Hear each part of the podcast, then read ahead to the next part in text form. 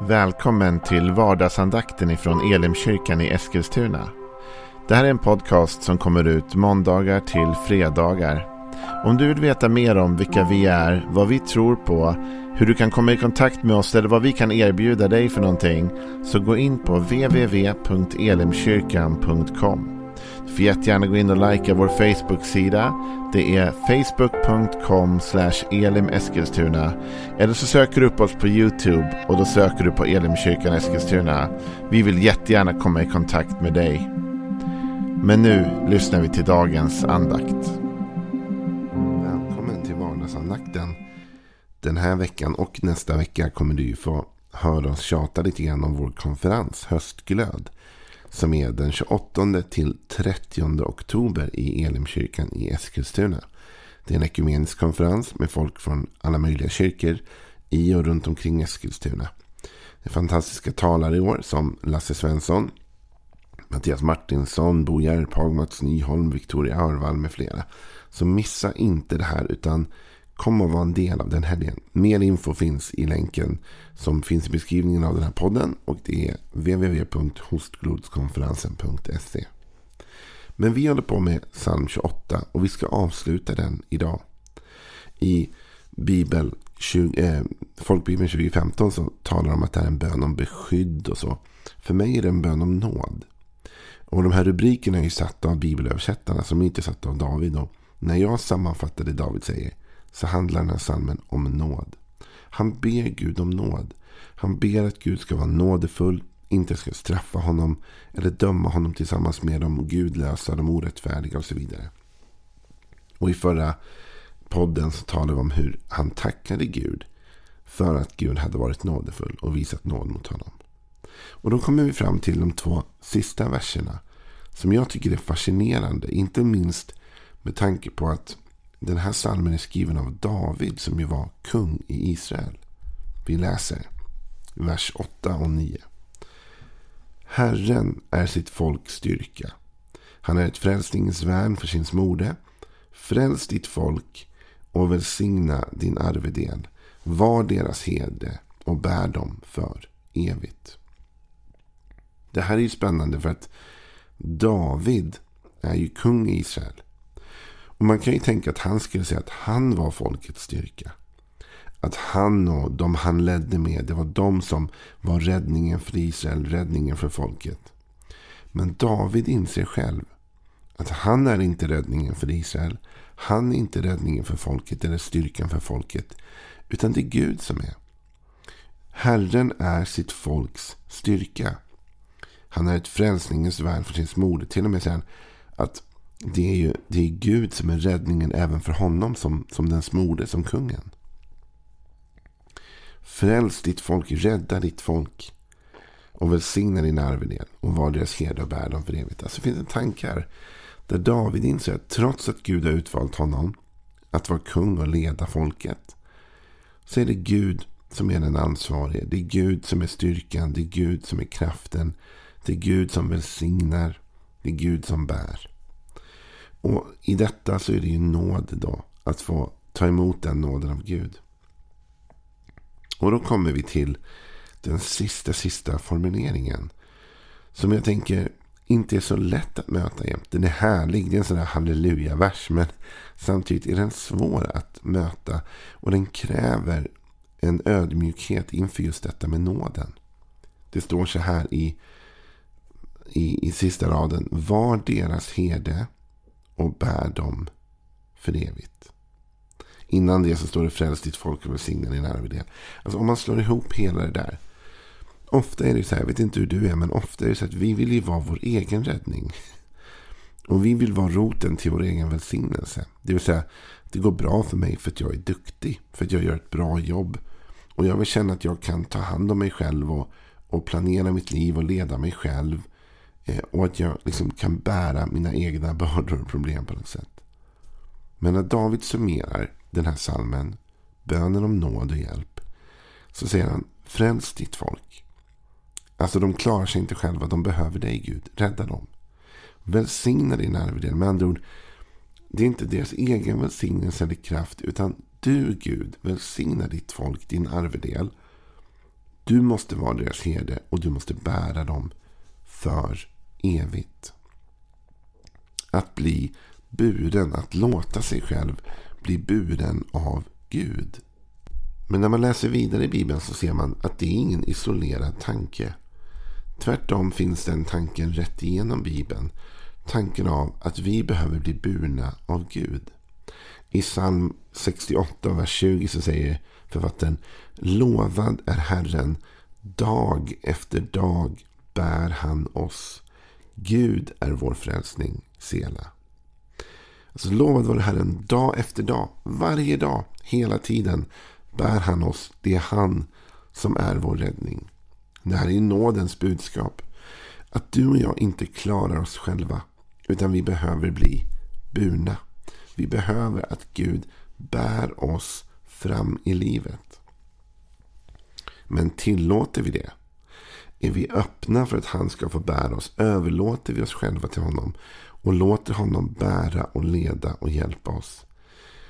Har vi den insikten? David var kung i Israel. Och ändå är det han som då, den starke mannen i landet. Det är han som har besegrat Goliat. Det är han som har så mycket på sin meritlista. Han säger till Gud, bär oss varje dag. Liksom. Han säger, bär oss för evigt. Det är intressant. Dag efter dag bär Gud dig och mig. Jag tror när vi kommer till himlen så kommer det bli intressant och spännande att få se. Om Gud visar oss något om vårt liv så tror jag vi kommer inse att du och jag mycket mindre tog oss fram själva än vi trodde. Jag tror att vi har någon sorts inbildning av att vi själva kan så mycket och klarar så mycket och tar oss fram. Vet du vad jag tror? Jag tror att du och jag är burna varje dag. Jag tror att på sätt som vi inte alltid förstår eller kan se eller ta emot så bär Gud oss dag för dag. Och vi får vila i hans nådefulla famn. Det är han som bär. Det här är ju någonting som David också talar om i psalm 139 som är en otroligt vacker psalm. Då säger han så här från vers 1. Herre, du rannsakar mig och känner mig. Om jag sitter eller står vet du det. Du förstår mina tankar fjärran ifrån. Om jag går eller ligger ser du det. Med alla mina vägar är du förtrogen. Innan ordet är på min tunga vet du, Herre, allt om det. Du omsluter mig på alla sidor och håller mig i din hand. Den kunskapen är för underbar för mig. Den är så hög att jag inte kan fatta den. Det här är en underbar text tycker jag. För den handlar om hur väl Gud känner oss. Den handlar om att Gud känner oss bättre än vad vi själva känner oss själva. Han vet om vi ligger eller står, sitter, vad vi är, vad vi gör, vad vi tänker. Han vet de ord vi kommer tala innan vi ens har talat dem. Så innerlig är Guds kunskap om oss.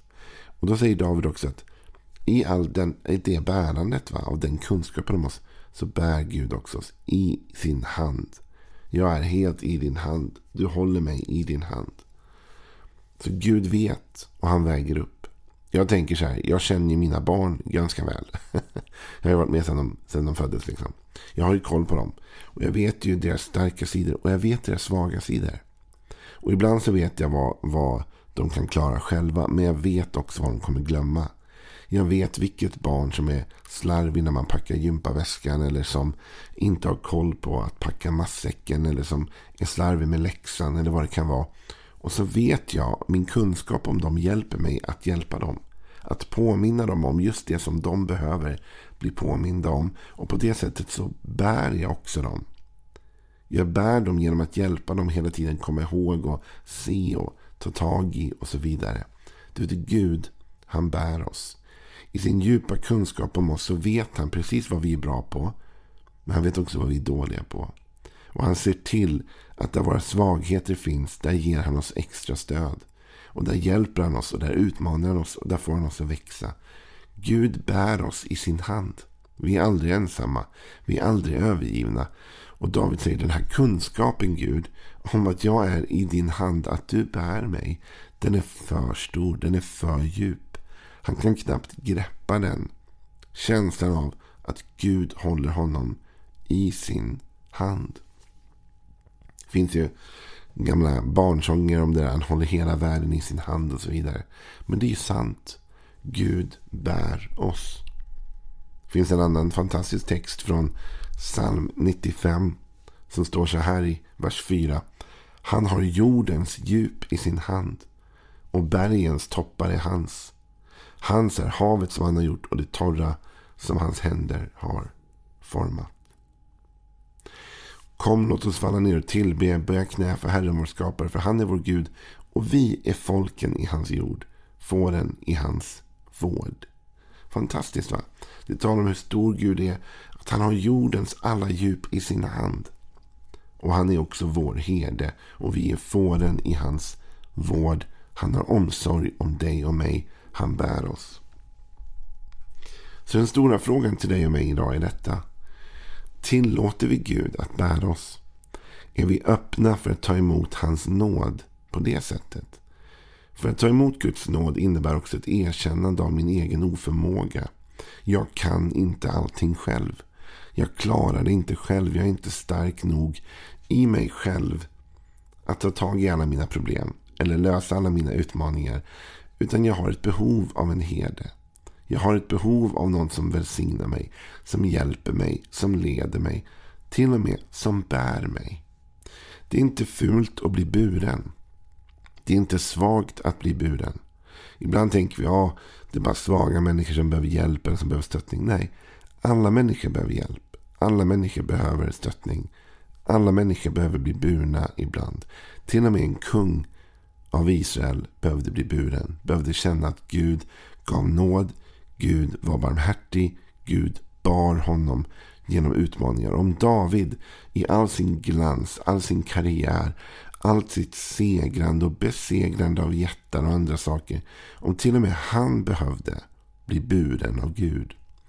Då behöver du och jag också bli burna av Gud. Varje dag. Och kanske din och min bön idag får bli som psalm 28. En bön till Gud om nåd.